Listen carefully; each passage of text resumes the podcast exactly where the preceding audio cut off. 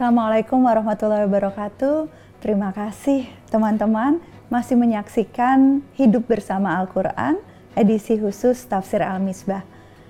Sebelum melanjutkan pembahasan Quran Surah An-Najm, saya mau uh, menceritakan salah satu pertanyaan yang kami dapatkan dari Ibu Irma di Surabaya. Bagaimanakah jika seseorang merasakan keraguan ketika beriman dan timbul banyak pertanyaan tentang hal yang diimani? Pasti banyak yang pernah merasakan. Ada Ustazah Maulidatul Hifdiyah. Ustazah Maulidatul Hifdiyah ini adalah salah satu uh, alumnus dari pendidikan kader mufasir Pusat Studi Al-Quran. Silahkan Ustazah dijawab. Bismillahirrahmanirrahim. Assalamualaikum warahmatullahi wabarakatuh. Saudaraku yang dirahmati oleh Allah, ada satu pertanyaan, bagaimana jika seseorang merasakan keraguan ketika dia beriman, lalu timbul banyak pertanyaan tentang apa yang diimani. Sebelum menjawab pertanyaan ini, perlu kita ketahui definisi dari iman itu sendiri, yaitu bahwa al-iman al-iqraru bil lisan, kita berikrar, bersyahadat, kemudian wat tasdiqu bil jinan, hatinya mengakui. Nah, di sinilah kemudian mengimani, lalu wa amalun bil jawarihi wal arkan, anggota badannya melakukan kebaikan atau sejalan dengan nilai-nilai yang ia imani. Lalu bagaimana ketika seseorang merasakan keraguan? Ini adalah hal yang sangat wajar sebab merasakan keraguan itu adalah bagian dari mencari kebenaran. Ini yang kita lihat dalam surat Al-Baqarah ayat 260 ketika Nabi Ibrahim alaihissalam bertanya tentang bagaimana Allah menghidupkan orang mati untuk melihat kuasa Allah. Kiranya ini yang bisa saya sampaikan. Semoga bermanfaat. Wassalamualaikum warahmatullahi wabarakatuh. Terima kasih Ustazah Maulidatul Hifdiyah, alumnus dari Pendidikan Kader Mufasir Pusat Studi Al-Quran. Abi, uh, kita lanjutkan uh, diskusinya tentang ayat-ayat berikutnya dari Quran Surah An-Najm. Baik. Ayat berikutnya ini menyatakan Auzubillahiminasyaitonirrajim Afara'aitumul lata wal uzza wa manata thalithatal ukhra. Eh, afara'aitum kalau kita terjemahkan secara harfiah, apakah kamu telah melihat? Eh, sebenarnya, apakah kamu, maksudnya, apakah kamu telah merenungkan? Nah, ayat-ayat yang lalu itu berbicara tentang kehebatan Allah Subhanahu wa Ta'ala. Ayat berikut ini seakan-akan ingin membandingkan, walaupun perbandingan ini tidak wajar, ya, tetapi karena mereka sangat mengagungkan ketiga berhala ini maka mereka diajak ayo renungkan. Renungkanlah tentang Al-Lata, Al-Uzza dan, dan Manata Sarisatul Ukhra. Ini tiga berhala terbesar yang mereka sembah. Al-Lata itu eh, berhala dari batu Al-Uzza itu pohon dan eh, eh, eh Manata Sarisa juga berhala jadi mereka itu menyembah berhala-berhala Cobalah fikirkan berhala-berhala ini. Apa punya kekuasaan atau tidak? Nah, kemudian disinggung. Kamu kan percaya dia. Nah, bagus kalau kamu percaya kita mari lihat. Berhala-berhala ini eh, kamu sembah dan kamu percaya bahwa kamu eh, senang memperoleh anak lelaki tetapi anak perempuan kamu nisbahkan kepada Tuhan. Tapi anehnya pikiran kamu ini, alata itu bentuk feminin. feminin. Al-Uzza itu bentuk feminin. Mana jadi bagaimana tuh kamu ini? Itu satu. Tapi ada yang lebih penting dari ini. Tilka idan qismatun diza. Kalau kamu menjadikan buat dirimu anak lelaki dan buat Tuhan anak perempuan, perempuan, maka itu sebenarnya pembagian yang tidak adil. Karena kamu menganggap ini lebih baik dari itu, kamu ambil yang baik. Yang yang buruk, yang buruk ini sebabkannya kepada Tuhan. Tuhan. Nah, sebenarnya logikamu ini sudah salah sejak semula. Mestinya yang kita berikan yang terbaik itu untuk Tuhan. Betul. Ya kan? Nah, itu satu. Yang kedua, itu jadinya ini pembagianmu tidak adil. Nah, ketidakadilannya lagi, kenapa kamu me, me, me, membedakan kedudukan lelaki dan perempuan? Itu tidak adil. Itu sama saja kedudukannya, kemanusiaannya dan lain-lain sebagainya toh. Oke.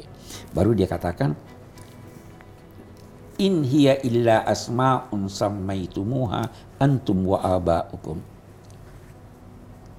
Berhala-berhala itu tidak lain kecuali nama yang kamu sandangkan pada dia, padahal nama itu tidak punya kekuatan. Nah, kita mau eh, bicara sedikit panjang tentang ini, karena sering kali menyentuh kehidupan seharian kita. Kata itu, setiap kata seperti wadah. Wadah ini mesti ada isinya.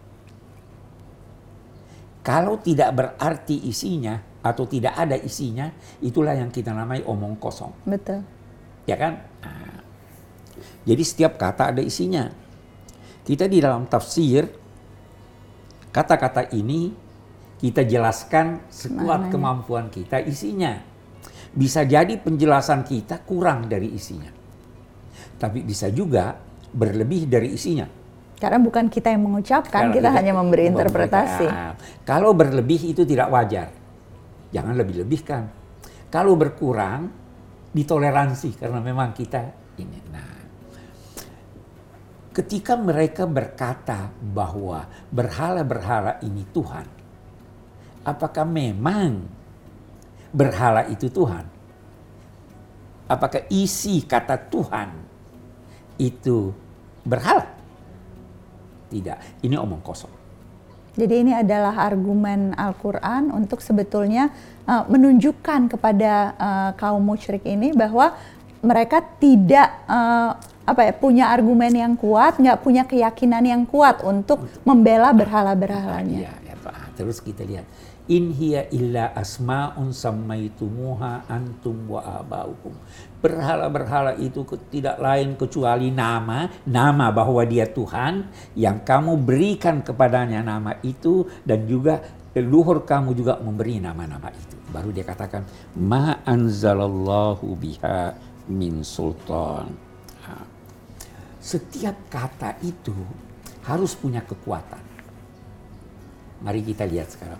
Eh, kita berkata Tuhan, percaya Tuhan.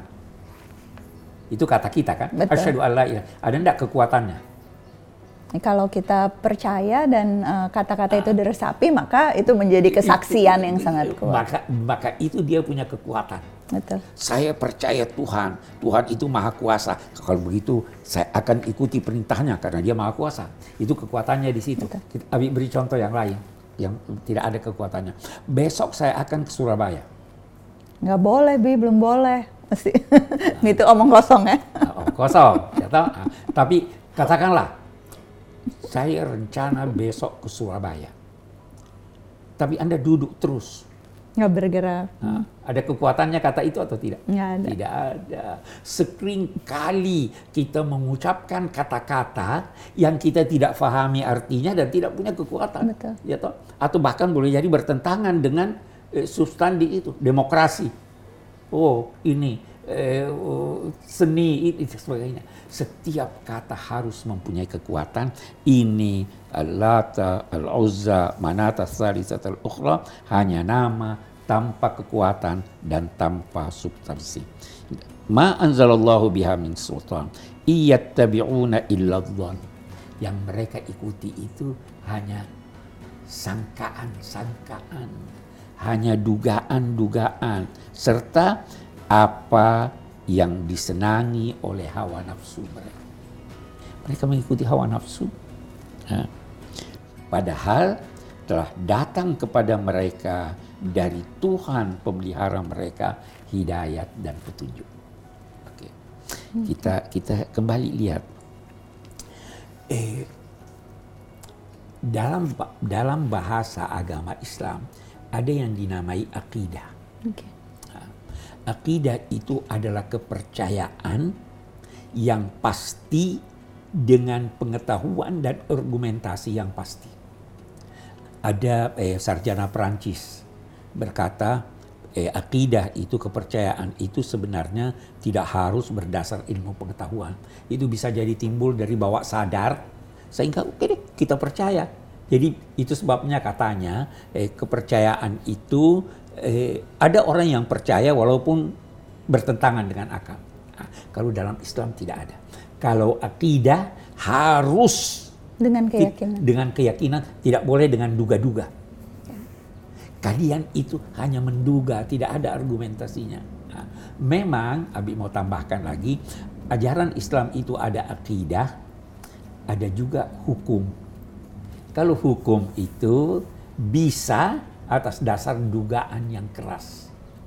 Walaupun itu pun ada kaidah-kaidahnya kayak bi nggak bisa. Ya toh. In yattabi'una illa dzan wa ma tahwal anfus ja'ahum min rabbihimul huda. Padahal telah datang kepada mereka kita lihat lagi telah datang kepada mereka. Bukan mereka yang cari. Ada hidayah ada petunjuk datang dari Tuhan. Jadi kalau ada satu sesuatu yang Anda harus cari, boleh jadi bisa ditoleransi kalau Anda tidak temukan.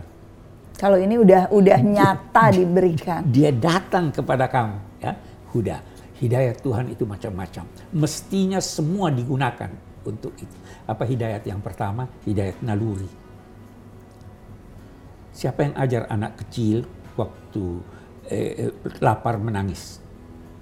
Nah, itu naluri. yang namanya naluri. Naluri Nah, setelah naluri ada panca indera.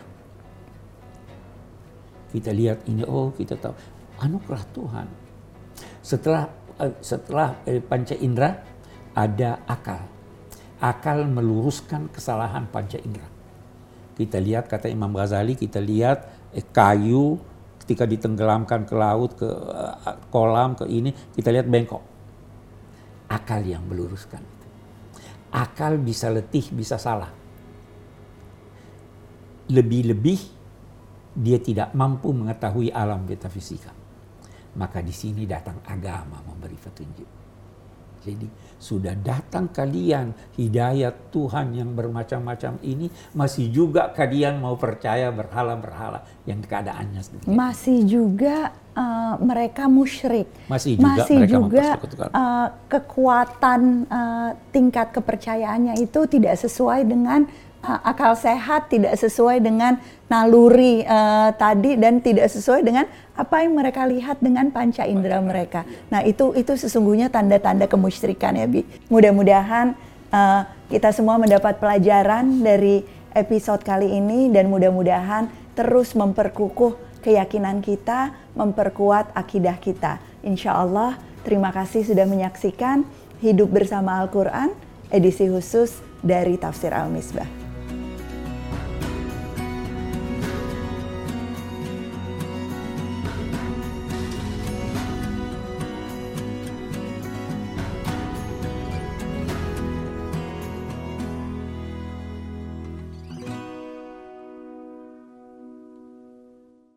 Cariustad.id adalah sebuah platform yang membantu menghubungkan umat dengan jaringan ustadz dan ustazah yang ramah dan kompeten di seluruh Indonesia.